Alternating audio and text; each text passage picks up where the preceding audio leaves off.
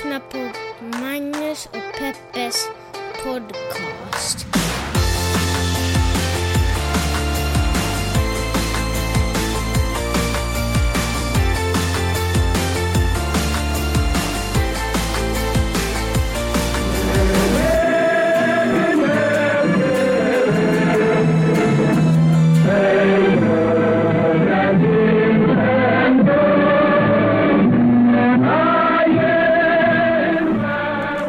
Vet du vad det där är Peppe? Nej, Vet inte? jag tror du skulle spela... um, Jag ska spela Finlands nationalhymn. Just det, för det är ju Finlands nationaldag. Ja, jag tycker det är respektlöst av dig att inte göra det. Vet du vad jag istället spelar för hymn? Nå. Gissa. Kom igen nu. Eh, Nej, jag vet. Något Kom som, igen nu, Peppe. med Israel att göra kanske. Nej, ja, okej. Det händer ju faktiskt väldigt mycket i världen, så det är svårt att välja, veta vilken man ska ta. Nej, Peppe. Det där var Etiopiens nationalsång. Är det sant? Jag är ledsen för ljudkvaliteten. Det, ja, jag, jag tog det första bästa jag hittade. Men Etiopiens nationalsång. Du har ju, alltså vilken vecka! Uteblivet avsnitt, det har ni säkert alla märkt. Eh, men det ska vi kompensera att ge två avsnitt här nu på, eh, som ett pärlband idag och imorgon. Eh, för det, för det, har ju, det har ju varit omöjligt att göra eh, avsnitt, för du har ju varit ute på resande fot, Peppe. Så jag var i Etiopien, först Yosemite, sen Etiopien och sen Dubai. Alltså så sjukt. Och sen Santa Monica. Först Santa Monica, sen Yosemite, sen Dubai, eller Etiopien, sen Dubai. Vem är jag? Alltså det är helt galet. Varför var du i Abu Dhabi i ungefär en vecka? Jag har faktiskt aldrig varit... Nej, jag har varit i eh, Abu Dhabi en Addis- gång, men det är länge sedan. Vad heter det? Addis Abeba, eller vad heter Ja, det? är så fint att du också lär dig huvudstäder på det Ja här men, sättet. ah, förlåt, sorry. Abu Dhabi, vänta, var är, var är det någonstans? Men det är ju en, eh, en eh, emiratstat i... Just det, just det, just det. I alla fall. Hör du, jag var inbjuden med... Abeba, förlåt, inte Adeba, Abeba. Addis Abeba. Addis Ababa heter det väl på engelska. Ja, det kanske det gör. Ja. Jag var där inbjuden av Läkarmissionen för att eh, kolla hur deras partnerorganisation jobbar. Så vi åkte runt och träffade Varför var just du inbjuden eh, av, varför inte kungen till exempel? Han kunde inte, jag var första suppleant. Men varför var just du inbjuden? Nej, men jag, vet, jag tror att de ville ha någon som kanske kan skriva, eller de ville ha någon som kunde skriva om det här så att, Mm. så att Läkarmissionen får fler eh, månadsgivare. Just det. För att äh, Läkarmissionen fungerar ju på det sättet, folk hjälper till och betalar in och så får kvinnor föda tryggt på sjukhus och barn får gå i skola och, och folk, kvinnor som varit utsatta för trafficking får ett tryggt tak över huvudet och får lära sig ett yrke. Har de ett stort projekt på gång i, i Etiopien? De har en, eh, alltså de jobbar ju inte, de finns ju inte själva där utan de väljer ut vissa partnerorganisationer, de finns ju överallt i hela världen. Och, den, och den här partnerorganisationen jobbar med alltså 600 munnar mättar de varje dag. Det är sant. Det är ändå ganska mycket. Otroligt Speciellt med tanke på att det bor 30 miljoner hungriga människor där. Är det sant? Det finns så många? Jag Inte vet inte. 100 miljoner i hela Etiopien. Det är ju ett Ja. jättestort land. Nu säger jag inte att alla är hungriga där, men väldigt många är det. Alltså det är en av de fattigaste städerna jag någonsin har varit i. Jag menar, det, det fanns inte ens, eh, det låter dumt, men det fanns inte ens en McDonalds. Så jag tänker, vilken stad i Sydamerika man än åker till Du finns du- det McDonalds eller Burger King i? Ja, men vet du vad? Jag måste bara... För jag har hört dig säga det där förut. Men när du till och med säger så här, jag vet att det här låter dumt, men det fanns inte ens en McDonalds. Vad betyder att det inte fanns en McDonalds? Det betyder väl ingenting? Eller jag tycker att, att så amerikanska kedjor brukar filtre, infiltrera allting. Mm. Och det fanns Coca-Cola-skyltar precis överallt. Mm. Men, eh, nej men det fanns, jag tänker så att i, sto, i huvudstäder brukar man ändå fin, liksom, världen är ganska Men hade du känt att det var så här, okej, de har åtminstone McDonalds. Hade det känts bättre? Alltså vadå? Hade det varit bättre? Är det... Nej, men tvärtom kände jag så här att den här, alltså McDonalds finns överallt i Mm. hela världen. Eller Burger King eller någon annan stor kedja. Ja. Men i den här staden fanns liksom inte ens det. Det var verkligen en, en stad som, eh, när vi åkte igenom de liksom finare kvarteren var de också väldigt, väldigt tjabbiga. Det fanns liksom ingen överklass. Mm. Att, nu, nu är det ju jättesvårt för mig också, jag kan bara berätta det som jag själv upplevde. Jag var ju faktiskt bara där i fyra dagar Ja. fyra otroligt fullspäckade dagar, men jag, ska ju inte kunna, jag kan inte vara en talesperson för Etiopien om vi säger så. Men det var ett... eh, Jag ska säga att han som grundade den här organisationen, Bright Star, han... eh, Han, eh, han eh, har själv varit gatubarn, vuxit upp i otroligt fattiga omständigheter. Han berättade att flera av hans syskon har, har adopterats bort, några av dem till Sverige till exempel. Och, eh, och själv hade han eh, vuxit upp eh, alltså så fattigt att när han var åtta år fick han sina första skor. Oj. Och, och nu har han själv tre egna barn och sen några adoptivbarn. Han har sett hans fru som också genom att jobba i de här organisationerna också vill adoptera. Hon vill liksom ta hand om, om hemlösa barn. Och han gör bara ett otroligt, ett så otroligt fint jobb. Ett så, allt är så genomtänkt. Det finns till exempel ett ställe, ett hus som de har inne i stan där där eh, folk utan utbildning kan öva sig på att bo, bli frisörer till exempel. Och då kan andra människor som bor uppe- ute på gatan få komma dit, bli klippta, få tvätta sina kläder och få duscha. Och medan de väntar på att till exempel bli klippta så får de terapi och få veta om den här möjligheten och de kanske också kan få gå den här kursen och bli frisörer eller elektriker eller lära sig sy. Och eh, helt enkelt lära sig ett yrke så de kan förtjäna sina pengar och ändå få tak över huvudet. Berätta om eh, något djupt intryck. Det mest rörande måste vara när vi besökte ett hem. F- får jag bara fråga så? Är det liksom... Känner man, eh, känner man igen sig när man kommer till staden? Förstår du vad jag menar? Alltså, är det... Hur ska jag för- förstå vad jag menar? Alltså, om man kommer, om man är ute och reser ibland Mm. så kan man ju liksom, fast man inte har varit där förut, så kan man på något sätt känna... Man, Nej. Nej, den är, är det helt annorlunda mot Ja. allting annat du har sett på film och, och allting liksom. Är, man, är du vilse i pannkakan där? Ja, ganska nog faktiskt. Är det, är det annorlunda, är det otroligt kulturellt annorlunda också? Nej, nej, det var nog inte. Det är ju ett kristet land till exempel. Men eh, nej, alltså nej. Kulturellt, det var bara liksom fattigt. Otroligt väldigt fattigt. Men vadå, alla var fattiga som du såg där? Ja, nästan alla. Ja. Det fanns liksom, ah, bilarna var så här 40 år gamla. I huvudstaden? Ja. Och... eh, Men jag tror den var ganska någorlunda modern ändå, att den hade åtminstone områden som var moderna, men du kanske aldrig såg dem. Det kanske jag bara inte såg dem. För Ja. att, och eh, ja, det var alltså, och det var på natten blev det mörkt, kolmörkt liksom. Mm. Plus att, att eh, staden ligger ju uppe på 2000 meters, 2500 meters höjd så det blir svinkallt på natten och vi, en kväll åkte vi runt och, och den här organisationen jobbar med att eh, berätta om sin, de åker runt på natten och, och skapar förtroende hos, hos människor som sover ute och berättar om sin verksamhet och säger att om ni kommer bjuder vi på frukost så får ni åtminstone ett mål mat den här dagen. Och, och då åkte vi med och äh, det var nog äh, den mängden människor som sov ute, kvinnor med barn och liksom unga män och det var nog verkligen rörande. Men det som säger du frågar, det som kanske, alltså jag börjar var det med mest mig, rörande. allt tioåringar som måste jobba liksom, som har blivit skickade från landsbygden in till stan för att få en utbildning och, och så måste de jobba, bära ris, liksom, promenera med jätte, jättetunga högar med ris på ryggen upp från bergen, ner, ner, upp i bergen först, plocka riset, sen ner igen till staden. Men, eh, men så besökte vi ett hem som, eh, där eh, kvinnor som hade kommit från Red Light Dis- District eller bara flytt från liksom, trafficking-ringar fick bo på. Och eh, det var otroligt... Eh, alltså det var så det var fint och Hur, tungt. hur, hittar, hur hade de blivit upplockade? De, åker, alltså, de här organisationerna åker runt i, liksom, åker runt i stan och Mm. känner, det är ju en jättestor stad liksom, men känner folk och som känner folk och så går de runt och åker till exempel till Red Light District och får berätta hej, vad, hej vi har, det här alternativet finns också. Och det var en kvinna som berättade, alltså hon hade blivit hennes föräldrar hade skilt sig, det är väldigt ovanligt man skiljer sig tydligen i Etiopien, men hennes föräldrar hade skilt sig och så hade hon hamnat liksom emellan, bott lite hos pappan och bott lite hos släktingar och sen kommit till till storstan som ganska ung och också där slussats mellan avlägsna släktingar och till sist bara för att kunna bestämma över sig själv så hade hon då börjat jobba på Red Hat District. Och när hon fick höra om det här liksom hemmet så hade hon först bara skrattat för hon trodde att det inte ens fanns något sånt. Och så berättade hon att hon hade fått en, när hon kom dit hade hon fått en egen vit handduk som var ren och vit och bara hennes. Och hon sa att det var det mest magiska hon hade varit med om. Det här var bara hennes.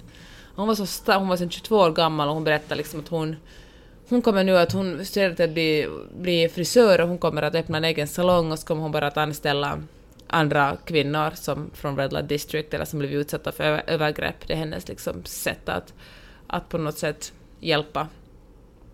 Och hon, var, hon liksom bara utstrålar styrka, hon liksom har lagt liksom den hemska tiden sitt liv bakom sig. Och så tänkte jag, det var så otroligt hoppfullt och fint. Sen genast efter intervjuade jag en annan kvinna som var 19 och hon var, hon var så nedbruten. Hon hade också, hon hade varit med om samma sak, slussats från ett ställe till ett annat som litet barn, kommit till stan och, och så hade hon hade sett filmen Lilja Forever. Mm, kommer inte ihåg när jag trodde det. Om du inte kommer ihåg har du inte sett det. Mm. Och hon, eh, hon var liksom, hon är verkligen utsatts för såna övergrepp att, att Berättar hon om något eller vad? Hon berättade att hon blev erbjuden ett jobb som hushållerska och uh, så hade hon plötsligt befunnit sig på en bar där hon var alltså, tillgänglig, hennes kropp var tillgänglig för alla män som kom till den baren. Så hon hade alltså i praktiken varit en sexslav. Det var, hon var så nedbruten som människa, hon verkligen krossad som människa. Det var liksom... Jag vet inte hur jag ska beskriva det, men när jag frågade henne vad hon tycker om att göra när hon inte går i skola, så sa hon att... Förstod hon först inte riktigt vad jag menade och sa hon att hon tycker om att vika sina väninnors kläder och se till att de har det fint i hemmet. Så frågade jag henne om hon någon dag drömmer om att ha en familj och då svarade hon att hon aldrig ens har tänkt på den frågan. Det fanns inte i hennes... Liksom, det fanns inte på horisonten och sånt. Hon ville bara stanna kvar i det här huset med de andra, det var 13 stycken unga kvinnor där, stanna i det huset och, och känna sig trygg med dem, med sina systrar, sa hon. Hur kände, alltså vad... ehm, Vi satt alla och grät. Jag satt och grät. Louise som också, Louise som skriver Hej hej vardag-bloggen. Hon satt bredvid mig och hon intervjuade de här flickorna tillsammans med mig. Hon grät också, satt tårar i ögonen och han som var vår tolk grät också så vi satt och snyftade tillsammans där. Det var omöjligt att hålla någon slags journalistisk distans till det. Ja, men det, här låter, alltså det, var, det låter hemskt och det var hemskt, men, men det jag kanske tog med mig mest från den här resan var ändå vilket otroligt bra jobb de gör och vilket hopp det fanns. Hur liksom allt rör sig. Det, det blir bättre, det blir bättre väldigt långsamt, men, men det blir ändå bättre hela tiden. Och, ja, och så känner jag att jag vill berätta det här för alla. Jag vill berätta vilket otroligt bra jobb de gör och liksom hur hängivna, hängivna alla som jobbar på den här organisationen var. De var liksom, man såg, när vi besökte liksom byar och där folk bor liksom sex personer på två kvadratmeter ungefär, hur mycket respekt de visar inför varandra, både de här liksom människorna och de organisationen. De var så, alla var så glada att se varandra skoja och liksom var noga på att lyssna på varandra. Och, ja, det var bara det var en otroligt fin upplevelse. Skulle du vilja åka tillbaka? Jag skulle gärna åka tillbaka om, om ett år eller två och se vad som har hänt. Om de har utvidgat ännu mer och, och det skulle roligt att träffa de här flickorna som var tio år gamla som fick gå i skola. Så de gick i skolan några dagar i veckan och sen en eller två dagar i veckan jobbade de.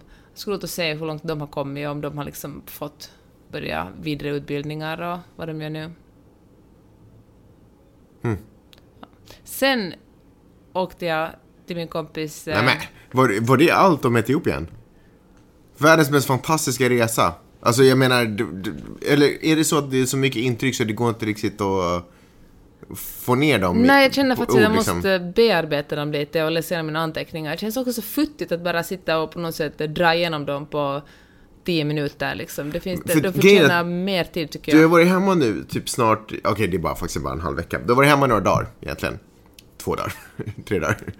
Ehm, och jag har, jag, har, jag har fått så otroligt lite information om, eller alltså du har berättat så otroligt lite. Är det sant? Ja. Du, du alltså, ja. När vi åkte Ing- upp i bergen till exempel. ingenting. Vi ska åka upp i bergen med de här barnen. Men, Men, men varför? har du avbryter mig hela tiden. Ja. Därför, Magnus. Nej, För att jag inte får en syl i vädret. Så fort du försöker berätta säger du men varför berättar du Nej. ingenting? Så, vad- ja, berätta. Okej, en morgon steg vi upp jättetidigt och skjutsade fyra små flickor upp i bergen. Vanligtvis går de, det är ungefär 10 kilometer.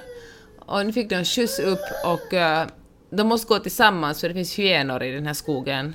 Och hyenorna äter upp barnen så de vågar inte gå ensamma för att då är risken större att bli uppäten. Och eh, så plockade vi upp dem och eh, en av dem hade aldrig åkt bil till exempel förut, hon blev jätteillamående. Och så åkte vi in upp i bergen på 3000 meters höjd, där maratonlöpare tränar faktiskt. Då, då sprang det jättelånga män förbi med långa steg. Otroligt konstig kontrast. Så gick vi in i den här skogen där det Vadå, fanns i en massa... träningskläder typ? Eller Ja, i shorts och skjorta liksom, eller t-skjorta. Och så gick vi in i skogen och så började de här flickorna samla ihop bark och ris. Och vi hjälpte dem, vi hängde där i skogen kanske i tre timmar. De var lite så oroliga först över, när jag, inte- jag intervjuade två av de här flickorna, de hade också kommit från landsbygden och, och bodde Va, hos vänta, vad betyder det att farbröder. intervjua? Alltså du sätter dig ner, eller satt, är det intervjua nu ett ord för att du satt och pratade med dem bara? Nej men jag inte skrev, alltså jag frågade dem frågor och skrev ner dem. För att du skulle göra en intervju? Ja. Liksom. Aha, okej. Och, eh, ja. Ja. Och eh, sen hjälpte, hjälpte vi dem att samla ihop ris liksom, gick omkring där i skogen och samlade ihop ris. Vad f- som, för de kom alla från landsbygden och så hade de en så kallad arbetsgivare här i, i stan. Och deras föräldrar hade skickat dem till, till liksom Addis Abeba för att de skulle kunna gå i skola. Och nu är det mycket bättre. Förr gick de till i skola halvdag och så, och så jobbade de halvdag. Men nu jobbar de bara en dag i veckan, vilket var ett jättestort framsteg. Men eh, de, men de fick liksom inget betalt för det här arbetet. De fick tak över huvudet och mat och kanske en tröja vartannat år. Second hand. Och, eh, och så jobbade de, alltså de otroligt systematiskt samlade ihop ris i jättestora högar som vägde liksom dubbelt så När du mycket säger som de- ris så är det ju inte det här vita som man kokar och äter. Nej, utan, utan- det är ju trä, alltså det är ju Det är kvistar. kvistar och grenar. Ja, precis. Vad, vad gör man, vad, vad ska de Det, göra? det säljs som bränsle, som man, brä, som man bränner det för att eh, värma upp huset eller för att värma mat. Enorma högar. Alltså som eh, tunga att lyfta. Men måste man hämta dem på berg? Liksom? Ja men det är ju stad nere i staden, det finns inte så mycket grenar nere i staden. Så det är berg och så är det stad runt omkring ett berg, typ? Ja, eller stad liksom uppe i bergen, Ah, finns det ännu okej, högre ja. berg där omkring Okej. med skogspartier. Och så, ja, så vanligtvis bär de ner det ungefär två till två och en halv timme att gå ner till stan, upp och ner till stan. Men hur kändes det att vara där, de här kvinnorna eller flickorna är där och så går ni dit och så sätter du ner och intervjuar och så hjälper du till som du Mm. sa. Typ. Och sen hoppar du in i bilen, Toyotan och åker tillbaka. Jag vill skjutsa ju dem. Ja. De behövde ju inte bära dem. Men de är ju där Nej, men hela det dagen. känns som Vadå? vi ville göra det hela... Nej, nej. Nej, vadå? de är där typ tre timmar. Ah, ja, okej. Ja, men alltså det tar ju två timmar att gå upp så är de om de promenerar. Mm. Och så är de där i tre, fyra timmar och sen tar lika länge att gå ner, så det blir ju en arbetsdag. Men Mm. nu fick de skjuts. Men nej, vad, hur kändes det? Alltså, tioåringar ska inte jobba, kände jag. Och det är otroligt frustrerande. Hur var det intervjua en tioåring då? Nej, men det var ju kanske mer en diskussion, det var ju inte som jag ställde henne mot väggen och började ställa liksom hårda Kritiska frågor, Ja. för att de ska få möjlighet att utveckla sina argument. Ja, ja. Om hon har ett kollektivavtal, och Mm. i så fall varför inte? Nej men, jag pratade med henne, alltså de är otroligt gulliga tioåringar. Alltså, en av de flickorna höll på, när hon samlade ris höll hon på att dansa och sjöng för sig själv. Alltså de var barn. Mm. Det var deras vardag. Och då, ja, otroligt frustrerande, men samtidigt det är bättre. Förr hade tydligen barnen som sagt jobbat halvdag och halvdag i skolan, jobbar de bara en dag i veckan. Så barn ska inte jobba, men tydligen det är liksom åtminstone ett steg i rätt riktning. Drömmen är ju att de ska få gå i skola, bara gå i skola, och sen jobba när de blir vuxna. Ja, Peppe, vad har du lärt dig av det här nu då? Ja, det blir ju en reality check på ens, e- mina egna privilegier. Så Men blir det det då? Eller Ja, är det bara när- någonting du säger? Nej, Men, eller? mest tycker jag ju att våra barn är otroligt bortskämda. Mm. Men alltså när Hanna som jobbar på Läkarmissionen var här i maj och då hade vi en insamling för att kvinnor ska få föda tryggt på sjukhus i Kenya. Då sa hon att, att när hon gör såna resor då tänker hon verkligen på att allt hon all, varje lunch hon köper eller varje kaffe hon köper tänker hon att de här pengarna kunde istället ha kunnat gå till ett, för att ett barn skulle få gå i skola en månad. Och den reality-checken fick jag faktiskt också. Tänkte hela tiden på att jaha, den här summan skulle försörja så här många barn. Ja. Det var en otrolig värme också som vi möttes av där. Folk var, vet du, hade bakat bröd och bjöd på kaffe och... Och det här sa de förresten, varje gång de bjöd på kaffe bjöd de på kaffe sen små, små muggar, små, små, inte muggar, men koppar liksom, som var till bredden fyllda, så det skvalpade över när man gick om runt i rummet och liksom bjöd på det på en bricka. Och de sa att de tycker att västerlänningar är så snåla som bara fyller halva kaffekoppen. Utan det är ett tecken på generositet att man verkligen fyller precis hela. Det ser man. Det ser man. Intressant. Intressant. Har du förändrats? Men tycker du det? Nej, för tidigt. Men känner du någon förändring inom dig? Nej men, jag, jag kanske är lite mer... Ja, du har förändrats. Du pratar inte med mig längre, Peppe. Nej, det, jag vet inte. Det var liksom en... en jag tror det var en... Var det en magisk resa? Det var mag, det var en resa som jag alltid kan bära med mig. Coolt. Sen, sen så drog du, eh, för att bara få lite kontrast på din resa, så från det så drog du till Dubai. Och levde i ett marmorglaserat hem. Jag skulle ju annars också mellanlanda i Dubai på Ja. vägen hem. Och eh, då bor ju en av mina bästa vänner, Karin, med sin familj där. Så Tillika våra barns gudmor. passade på att, att tillbringa helgen där och det var ju en otroligt konstig kontrast att komma från den här extrema fattigdomen till att komma till en... De lever ett extremt lyxliv. Och eh, så från att samma morgon, jag lämnade, jag lämnade Etiopien på en eftermiddag, samma kväll låg jag i deras pool under fullmånen och drack champagne. Nej, gud vad konstigt. Hör du, får jag bara får jag dela med mig av en observation? Ja. Bilder du delade från, eller jag vet inte om du ens delade dem på sociala medier, men bilder jag såg från Etiopien, liksom var miljön och det du såg och upplevde. Bilder från Dubai var du alltid med på själv. What's up med det? Varför ville du inte vara på bild i Etiopien? För att jag inte ville känna mig som en, eller att folk skulle tro att jag åker dit av min stora, stora godhet och posar med gulliga små barn för att få likes. Intressant. Ja, men det finns ju någon sån här- sån här white savior complex, vet du. Nu ska, nu ska vi vita vara goda och lära Afrika ett och annat och liksom komma med vår välvilja och, och eh, det ena och det andra, för så är det ju, det är ju ganska äckligt. Först så faktiskt. förstör vi alltihopa, sen Ja. kommer vi dit med ris. Och sen kände oss jävligt goda. Och eh, jag försökte på något sätt... Tampades du med det? Sådär att du kände dig god? Ja. jag försökte och jag var otroligt... eh, det var jättesvårt att skriva något på bloggen tycker jag också. ja.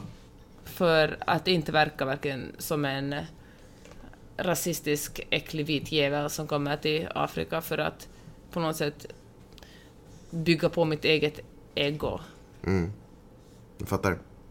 Ska vi ändå uppmana folk att börja att bli medlemmar i, i Läkarmissionen? Ja, eller bli månads, månadsgivare till Läkarmissionen. Alltså, de gör ett så otroligt fint jobb.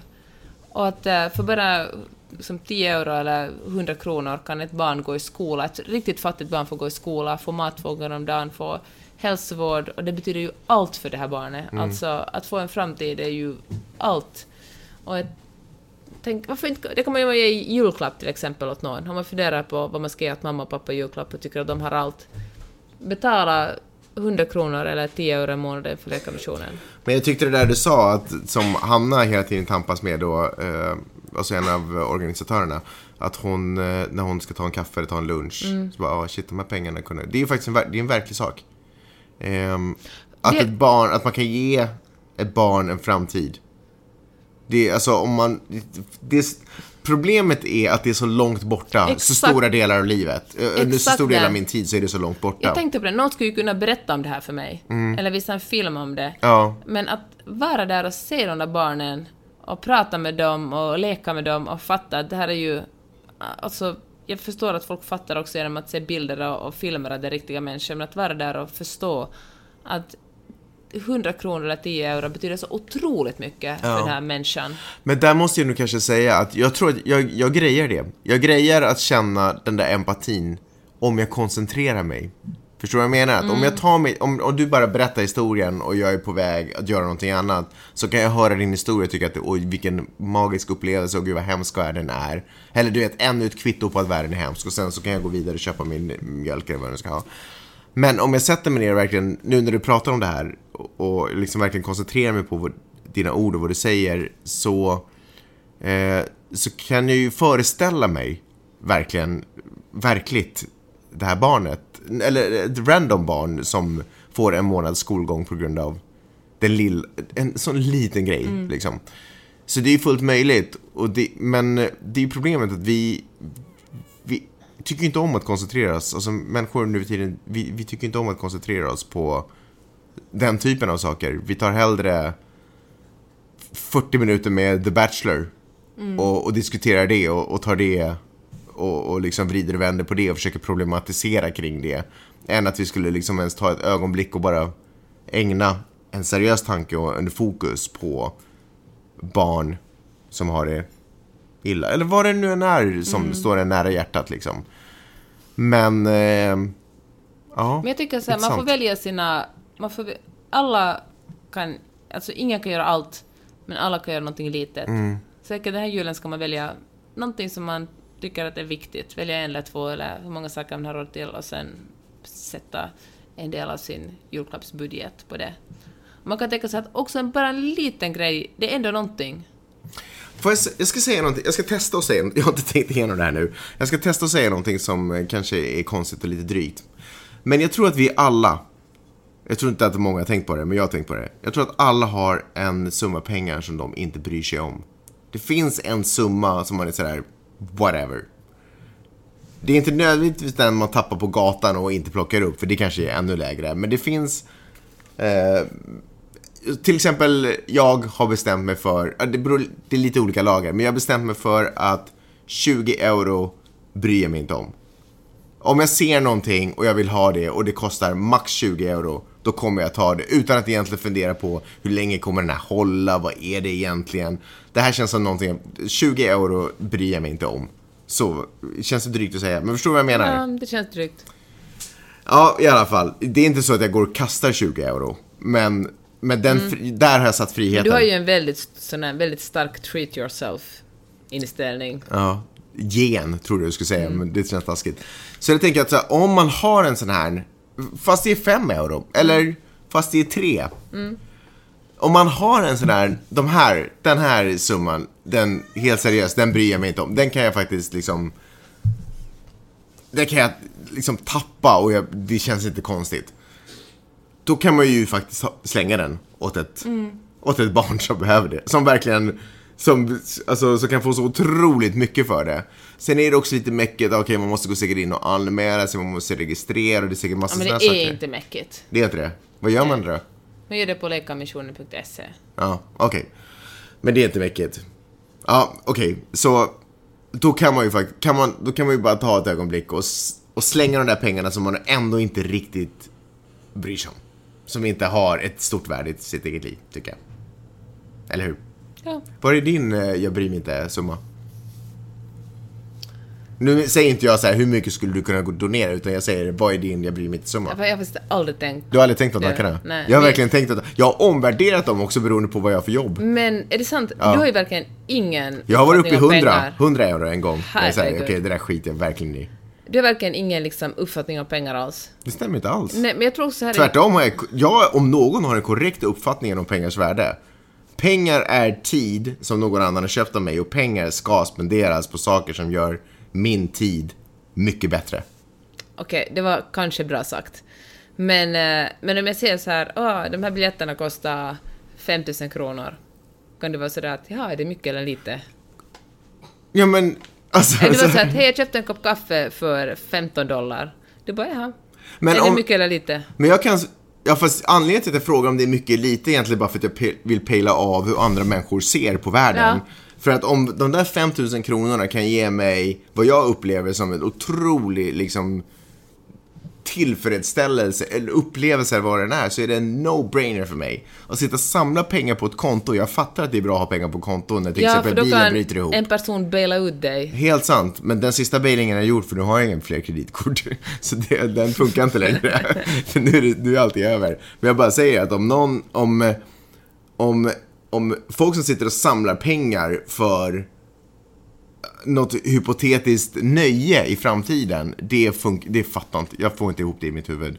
Jag förstår inte varför jag inte, så fort jag får pengar i handen, ska lägga dem på saker som Därför ger att det mig eller händer mina barn. grejer. Någon kan bli sjuk, bilen kan gå sönder, en, någon, en person kan få en grym skattesmäll, det kan vara att du måste åka hem till Jo, Finland och alltså Sverige. allt, Det jo men jag pratar rim och reson. Det är klart jag också sparar pengar. Min ambition är att spara pengar. Och att det liksom finns... Obs, min ambition. nej men, nej men lyssna. Det är klart att, det är, att jag också vill ha en liten buffert. Men jag pratar ju om folk som alltid lägger in i bufferten. Mm. Okej, snålhet är ju otroligt Ett annat ord för det är snålhet. äckligt. Men också snålhet mot sig själv är ju en tragedi. Ja, det är det faktiskt. Det kan jag hålla med om. Men hörde, jag tror att i en, en relation så måste den ena alltid vara den återhållsamma och den andra får vara den sköna snubben. Holy shit Peppe. Vi har snackat i 30 minuter om det här. Vi måste gå vidare. Är du med? Så lägligt. Den här veckan har vi en samarbetspartner och det är förlaget Schilds och Söderströms som... Vänta, det låter bekant. Är inte det samma förlag som du skri- har skrivit dina böcker på? Ja! Visst är det fantastiskt? Det är. Ett superbra förlag som ger ut jättebra böcker. Och eh, de eh, har bland annat gett ut en bok som heter Någon hatar oss igen, som är skriven av eh, Johanna Wingren och Sonja Alfors, som också har teatergruppen Två Blaue? Frau. Aha, okej. Men det är en, det är liksom en, jag tänkte säga seriebok, men det är faktiskt en sms-bok. SMS-bok? Ja, men det är deras diskussioner i, i vet du, WhatsApp eller sms eller, eller Messenger-format. Alltså det låter som det bekvämaste sättet att skriva bok på. alltså printa ut sin Men, sms-konversation. men så kände jag faktiskt också. Men det är verkligen superbra. Mycket fint om, om kvinnlig vänskap och feminism och hur det är att leva med ett barn med en funktionsvariation. Ah, nu, ni... Funktionsvariation? Ja. Är det, okej. Ni pratade om den här mellan raderna också? Ja. Kanske man kan bara puffa det också? Att Ja. det, det kommer, nu kommer jag faktiskt ihåg, och du älskade den Jag boken. tyckte jätte- jättemycket om den. det. Och Karin var också sådär i början, var sådär, "Eh, det här låter sjukt eh, pretto. Och sen, bara med din införsäljning av den boken, så var hon sådär, okej, know. men det blev ju... Just det, okej. Superbra. Hur, men hur är den är väl inte sk- är det rit... Är det liksom... Nej men det med utklippt och så är det, alltså den är väldigt snyggt är det gjord också. bilderbok så att man ser Jag undrar om konversationerna? han heter Johan Isaksson, han som har gjort liksom grafiken. Den är väldigt snygg. Ja, Mm. Ja, ja. den, den ska man hålla ett öga efter. Jag känner det är lite så här Liv Strömquist, Nanna Johansson-känsla över den. Fattade ingenting av det. Men kan du ge mig bara, kan du på något sätt i, med andra ord, bara pinpointa vad är det som gör den så himla bra den här boken? Den är väldigt spot on. Jag kände, jag kände verkligen igen mig, så brukar jag tala på vissa, med vissa av mina vänner, med min kompis Anna Friman till exempel, brukar vi tala lite sådär på, när vi talar på WhatsApp. Mycket kärleksfullt och liksom blandat väldigt sak, feminism, politik med bara vardagliga tankar. Okej. Ja, bra. Och Schildt och Söderströms har en, sån traditionellt ju, en traditionell julglögg som de ordnar varje år. Och i år är det den eh, 13-14, alltså Känner jag och rätt så åker du väl dit och på den. i Helsingfors. Så får jag vara hemma med barnen igen en vecka själv.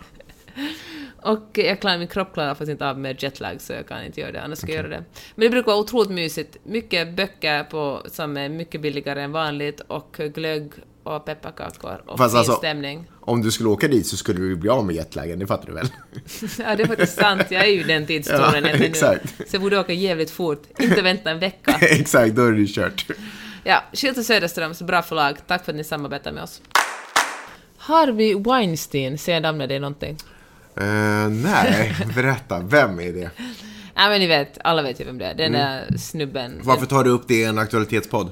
För att det kommer fram nytt om honom hela tiden. Du vet på Nej. nätterna när jag inte kan sova ligger jag ju vaken och lyssnar på olika amerikanska podcaster. Refererar till att han har använt sin makt för att hålla allt tyst.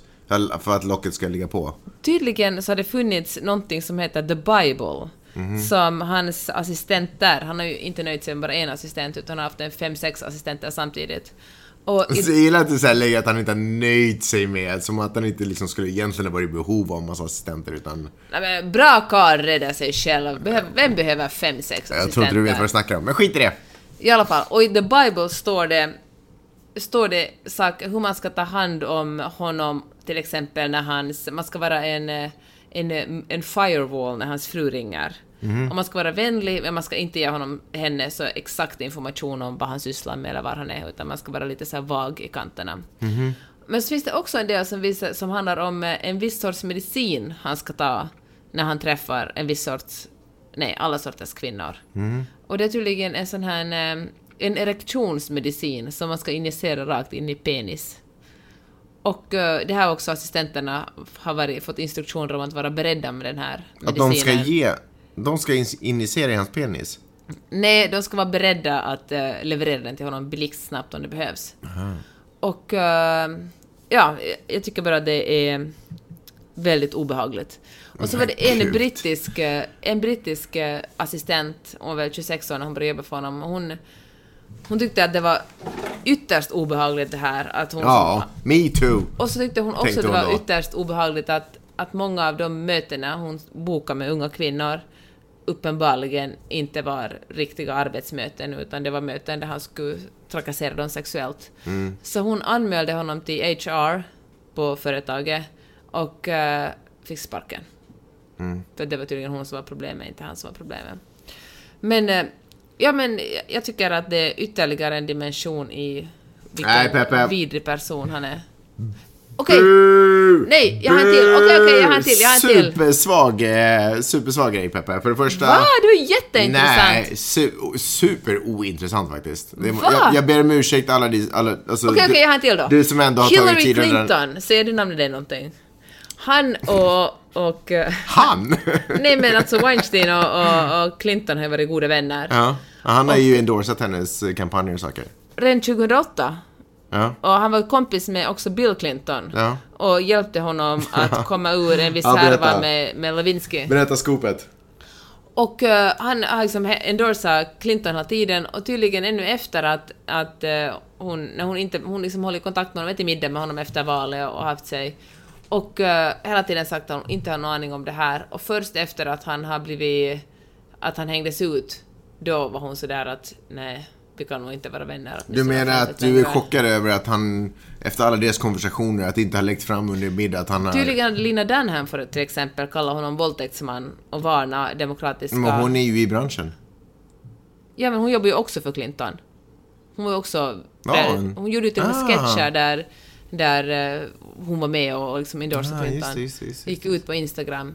Och hon hade tydligen sagt att den här våldtäktsmannen ska ni inte vara involverade med, men folk hade bara ignorerat henne. Ja. Och jag Men det kanske, var- beror, det kanske beror mer på Lina Dunham. Men herregud, jag låg i natt när jag lyssnade på podcasten när jag Du fick bara, med shit, det här måste jag berätta i podden. Och vad är reaktionen? Nej, superlame faktiskt. Superlame. För det första så har vi, alltså, alltså allting som nu kommer fram med Harvey Weinstein är liksom, men det, det är som att kasta bajs i en bajshög. Det, är Men det liksom, är ju det bara det, försvinner det är, in så- det är i samma det. sak det som händer med Men det gör Trump inte- här. Det är klart att man måste ta fram allt ändå. Det Nej, för det gör inte situationen... Nej, det är verkligen inte samma sak som händer med Trump, för Trump sitter fortfarande kvar. Han, för honom så rinner det ju av som teflon. Weinstein är ju redan förgjord. Alltså, han finns ju inte ens längre. Han har inte företag, han har inte familj, han har inte hem. Liksom, han finns ju inte. Så det enda han möjligen har är pengar på konton. Så han är ju bajs. Så om du kast, kastar bajs i... Kasta bajs. Så om du kastar bajs i en bajshög så blir det Jag bara vill att ni mer... som lyssnar ska veta att Magnus gör någon slags underlig rörelse med handen varje gång han säger Jag, bajs. jag gör kaströrelsen. Eh, Medan med Trump, så där, han, han, är ju, for- han är ju fortfarande teflon. Så det är ju avsevärd skillnad. Ja, ja, jag kommer nog bättre då. All right. Då ska vi snacka om Trump. Nämligen, eh, Trump har ju eh, endorsat, kan man nästan säga, Israels Jerusalem. Är du med? Ja, Donald Trump har alltså vågat göra det som många av oss inte... Tvekar inför. Många tvekar inför. Nej, men Så det, du har helt enkelt inte varit sugen på att eh, uts, utse Jerusalem som den officiella Eller erkänna, i- för Israel har det ju alltid varit en självklarhet att Jerusalem har varit huvudstaden. Men för omvärlden så har det inte varit lika självklart. Men nu är det självklart för Trump. Det var till och med så han uttryckte sig faktiskt. Han sa att Ja, basically I'm just stating what's obvious. Jerusalem, main ca- the capital city of Israel. Boom. Mic drop. I'm out. Peace. Det handlar lite om att, eh, eller delvis om att han har fått väldigt mycket pengar från det hållet. Både Mm. under kampanjen och efteråt. Får jag säga en grej som är konstig? Hans administration håller ju alltså parallellt på att försöka arbeta ut ett fredsavtal mellan Palestina och eh, Israel. Så sjukt. Är inte Kushners förresten Ja, dessutom. Det är exakt hans ansvarsområde. Så han sitter nu i princip i slutskedet. Donald Trump också säger ja men vi ska snart presentera en fredslösning på det. Men nu finns det ju ingen, alltså, den är Nej. ju död. Palestina kommer inte vara så här, men, alltså de kommer inte vara så här, ja, vad gud vad kul att ni också har ett förslag på fred. Nej. Alltså, det är det konstigaste jag har hört. Varför gör han det nu och inte efter? Alltså sådär, åtminstone kan han ju göra klart sin... Eh, The best peace agreement in the world. precis, exakt. Eh, och sen se den fallera och sen liksom vara sådär, okej, fuck it, nu skiter jag i det här. Jerusalem, vi kommer se det som är Is- i Israels nya huvudstad. Men han gör inte det. Så allting Kushner sitter och filar på just nu är ju helt eh, bara bortkastat. Alltså, så, alltså det, det är bara så konstigt. Eh, men, har tittat på lite nyheter här nu, eh, för att jag tycker det är intressant. Eh, så jag tittar på, eh, ska se om jag kan säga det här namnet nu då, CBSN. Bra, tack. Du har försökt säga det fyra gånger. Imponerad över att inte ens googlade det. Du bara litar på din egen hjärna. ja, vilket fall som helst. Känns som Det, jag sluddrar lite idag. Känns som jag borde artikulera mina... du är jetlaggad, du är ursäktad. Problematiskt för mig när jag tittar på nyheter nu för tiden, speciellt nu när det handlar om nyheter som handlar om Trump, är att det är så uppenbart att de nyheter, nyhetsmedier som jag följer är emot honom. Och de kan inte låta det skina igenom. Och det stör mig så otroligt mycket därför att jag vill ha en saklig redogörelse för vad, jag, och jag, har, jag vet inte vad det här betyder. Det är det som är också lite svårt för mig, att jag vet inte vad det betyder att han de facto har erkänt Jerusalem som Israels huvudstad. Jag bara vet att det är fel. Därför att jag tittar på nyheterna. Förstår du vad jag menar? Förstår du problematiken där? Att jag inte förstår varför det är fel. Vilket är en av de mest grundläggande saker jag måste ha. Utan jag bara vet att det är fel. Hörde du till och med faktiskt. hur jag, att, hur jag intrar det här? Ja. Att nu har jag gjort det här, bla, världen är emot det, bla, bla. Men jag förstår, alltså världen Men kan... en vinkning till att eh, världen är emot det, att alla andra, det finns som, eh, Ja, men- alla andra också är emot det. Det är sant, det är det ju. Förstås. Men jag håller med dig om att det vore trevligt problema- med en eh, förklaring. Jag skulle, ju, jag skulle ju uppskatta en analytiker som kan förklara någon form av Men någon måste ju ha haft en sån ändå. Men någon från Yale eller någon som kanske har gått någon bra skola där de kan present- ha tänkt till och de är intelligenta som kan förklara för mig och kanske har pluggat samhällsvetenskap, du vet, Mellanösternkonflikten till och med rent av. Och bara kan presentera för mig, det här är dåligt därför att och det här Men är inte så. för att Palestina claimar halva Jerusalem? Jerusalem är väl en stad som är uppdelad i två delar? En israelisk Alltså det är ju en konflikt, alltså alla, både, båda parter claimar ju båda, alltså båda parter claimar ju områden. Liksom. Jag, jag kan inte ens gå in på det där, jag, för jag förstår inte det, det är för komplicerat för mig. Allt, allt jag vet är att ingen egentligen har haft Men har Trump landområden. tagit Jerusalem och gett den åt... Nej, nej, nej, det har de inte gjort. Det har ju redan Israel gjort. Alltså Trump har ju inte gjort någonting som Israel inte redan Men jag fattar det, men jag menar så bildligt. I alla fall, jag vill inte sitta här och spekulera om Palestina och Israel-krisen det. Det enda Trump har gjort är att han har sagt att det Israel säger är sanningen. Ja. Och det är ingen annan i världen som har gjort det. Till och med Kina var lite sådär... "Ah." Men eh, oavsett politiken. Det är problematiskt för mig när nyheterna inte kan ge mig Mm. den informationen som är, För jag kan ju inte lyssna på politikerna... Vänta, ursäkta.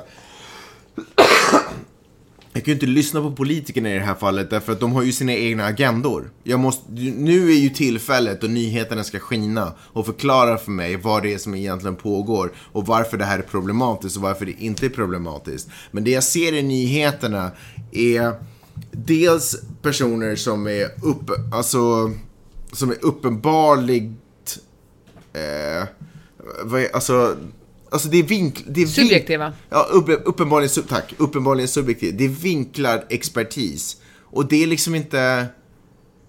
Jag kan inte göra någonting Men- med den informationen. Det är jättesvårt för mig. Och det andra var att det var någon sådär, typ, eh, någon eh, politisk expert, inom citationstecken, som var uppenbarligen demokrat och bara egentligen ville kritisera, som egentligen den enda kritiken han kom med var att, eh, eller den enda väsentliga kritiken tycker jag, som han kom med var att Just det här faktum att de håller ju på att jobba på ett peace agreement. Varför låter de inte bara den löpa ut och sen gör sin move? Nu har hon ju underminerat sin, hela sin egen... Men hör du, du är Ja. så amerikaniserad att du kollar på TV för att få din information.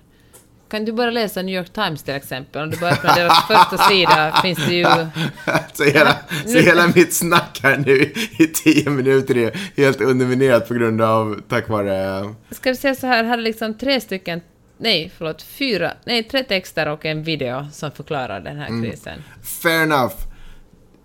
Det är ju bra att det finns skriven media som fortfarande då uppenbarligen kan ge mig den information jag behöver.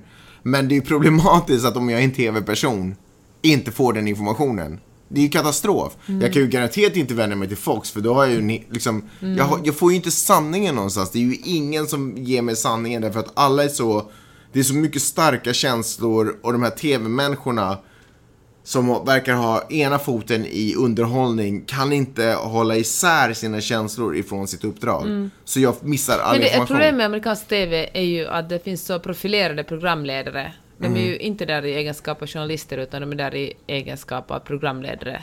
Mm, kanske. Jag vet inte om det är helt sant. Ja, på Fox News För är det ju så. ja men Fox News kanske, jag vet inte. Men jag, jag, jag har ändå alltid upplevt att just den här kanalen, CBS, okej, ja men att de, de, de känns ändå, de känns journalistiska. Seriösa. Fast med det sagt så reagerar jag faktiskt idag, eller idag formuleras äntligen ta- tanken, för jag har reagerat på det tidigare, hur otroligt dåliga frågor. Alltså om frågan är tre gånger längre än vad svaret är så är man lite ute och cyklar. Han använder väldigt mycket tid åt, ja nu pratar du om Hannity i och för sig, nu pratar jag om killen som sitter på CBSN. ehm, som har en ryskt efternamn, skitsamma. Um, superoväsentligt, men, men i alla fall. Som har en tendens att alltid när han så här ställer frågor till sina experter, lite berättar en anekdot om sig själv. Men alltså det är sen- ett så snubbigt beteende. Ja, det kanske det är. Att låtsas att man har en fråga, men egentligen bara berätta att man kan saker själv.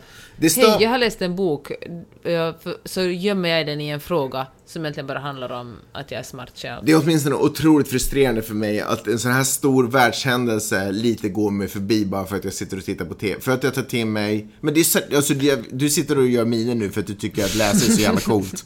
Men det finns sjukt respekterade nyhetsmedier på TV också. Och TV ger ändå en, okej fine, du har videoklipp där. Men det finns otroliga möjligheter med TV-mediet också. älskar att försöka pitcha Det finns, TV-mediet. det finns en anledning till att TV är stort. Och jag tycker de missbrukar det här nu. De missbrukar, de, de fallerar, alltså det är så... Skriv en insändare, Magnus. Ja, tack så hemskt mycket för det. Finns det något, finns Amber alerts i liksom Norden? Jag tror inte. De här äh, nödsignals, äh, vad fan ska man kalla? Helt plötsligt så plingar telefonen till. Oavsett egentligen... Det är typ- inte ett pling, det är ett ah, Ja, ah, precis. Den går, in en, ah. he- den går in i en helt ny mode. Det är inte så att du kan ställa in om du vill höra... Eh, om du vill höra Whams eh, Last Christmas när det här ljudet ska ske, utan den kommer verkligen som en... Eh, eh, eh.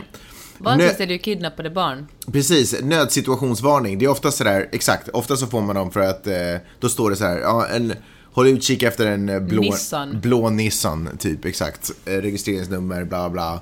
Och eh, åker på senast sedd i, utanför San Diego, någonting sånt. Och så är det ett barn som är kidnappad. Nu, Peppe, nu, nu, nu. För exakt en timme sen så kommer det ett eh, eh, eh på min telefon.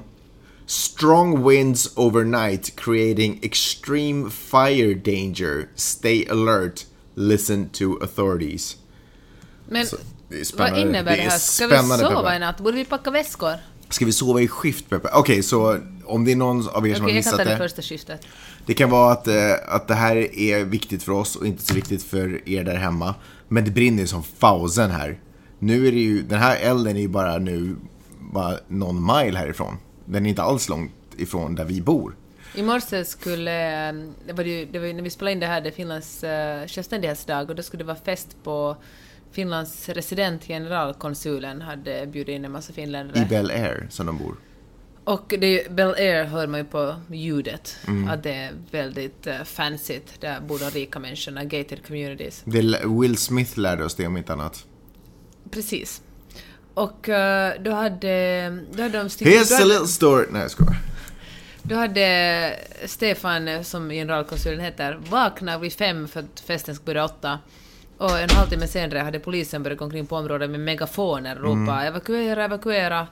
Och då var det bara att slänga, De hade slänga några allt minuter man på hade sig. i bilen och köra iväg. Ja, nej men så det är, shit is real, om vi säger så. Eh, det är ju inte helt ovanligt, alltså vi har ju hört om skogsbränder i, eh, i Kalifornien tidigare. Ofta ser de ju- de här riktigt stora och farliga, eller liksom de här stora är ju på sommaren när det är varmt och torrt. Det händer ju också att det är under hösten. Problemet är att de här, eller det som har varit tidigare under, hösten är ju att det har ju kommit regn under november och december som har gjort att marken har varit fuktig och därför har de inte blivit så galna de här. Men nu har det inte kommit någon regn eh, under november eller nu i början på december eller tills nu. Så eh, marken är torr och de här höstvindarna har börjat svepa in nu. De heter någonting, jag kommer inte ihåg vad de heter. Santa Ana-vindarna. Ja, there you go. Så de har kommit in och vind och eld, sjukt dålig kombination med fnöske. Så därför har vi den här situationen just nu. Ja, knas, brinner, alltså, Det luktar ju bränt, ja.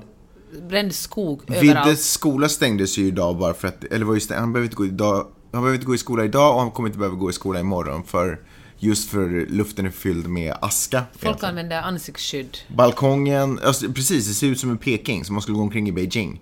Eh, vår balkong är helt fylld med aska. Är du rädd, Magnus? Nej, jag är inte rädd, jag är fokuserad. Ska komma ihåg att packa Hör du inte det passen. på min röst? Jag hör det. Men hör du, det är jätteviktigt att passen. Passet? Vad, ska vi pass till? Du menar när vi står där vid pärleporten så att han vet, så att... Vad tror du vi kommer att dö? Nej men vad ska vi med pass till? Om vi inte dör, vad behöver vi pass till då? Nej, men om vårt hem Ja, du menar att brinner måste åka till ner. Mexiko, eller Jag vadå? tycker det är onödigt att våra pass brinner ner. Ah, du menar så, bara rent allmänt. Ja, ja, ja. Men vi har ju finska konsulatet så de hjälper ju oss alltid. Eller hur? Det kanske. Men är, det är du rädd? Jag tycker det är lite obehagligt. Det är alltid jobbigare när man har en, eh, en baby i huset. Flera, jag har ju en kompis som Och drog... du menar jag alltså inte bränderna, utan jag menar bara generellt. Ja, jag, jag har, ja, exakt. Jag har en kompis som också har en baby som bara typ med en veckas eh, eh, skillnad från Miley's. De drog till San Diego. De bara, nej vi, vi tänker inte vara här med den här röklukten. Men vi tänk, jag tänkte så här, eller jag svarade honom att vi har två barn så att det, det är lugnt. nej, skämt åsido Peppe. Men eh, verkligen, super, alltså, som, alltså sådär mitten nu. Jag- jag Att få ett varningsmeddelande medan man ska Ja. gå och lägga sig. Ja, det är lite läskigt. Jag fick ett, eh, det var en av mina kompisar som jag rider med som la ut en Facebook-uppdatering där hon sa att lämna ut vatten för de vilda djuren, för det kommer att komma vilda djur vars hem också har brunnit ner och de kommer att vara törstiga. Eh, nej, gå vidare. Här finns inget vatten att hämta. Fortsätt, fortsätt framåt. Ner till Venice, där finns det vatten. Fortsätt passera. Här finns ingenting att se. Det var det dummaste jag har hört. Ja, det kommer komma alligatorer, så snälla lämna lite rått kött utanför er dörr. Så de har någonting att äta medan de flyr elden. Fuck that nonsense. Hörni, tack så hemskt mycket för att ni har lyssnat. Får jag säga en sak? Nej. Rasmus som jag hälsade på i Dubai Mm. sa att hans syster Lina sitter i Australien och lyssnar på oss och betalar för oss. Ah. Så jag vill säga tack Lina. Tack så Jag hemskt mycket jätteglad. Lina! Och tack också du mystiska lyssnare i Compton. Jag är fortfarande nyfiken på vem du är. Tänk om det är Dr Dre, tänk om det är Dr Dre. Han bor inte i Compton längre. Men anyways, Han bor kanske i Bel Air. kanske. Ja, det kanske han bor. Nu kanske han har flyttat till sin morsa i Compton istället, Mm. nu när det håller på brinna i Bel Air. Anyways, tack så hemskt mycket för att ni har lyssnat. Vi hörs imorgon igen, för då kommer det ut ett nytt avsnitt. Yes! Det har ni förtjänat. Och det har vi förtjänat. Ja. Ha det bra! Hej. Hej! Hej! Hej! Hej.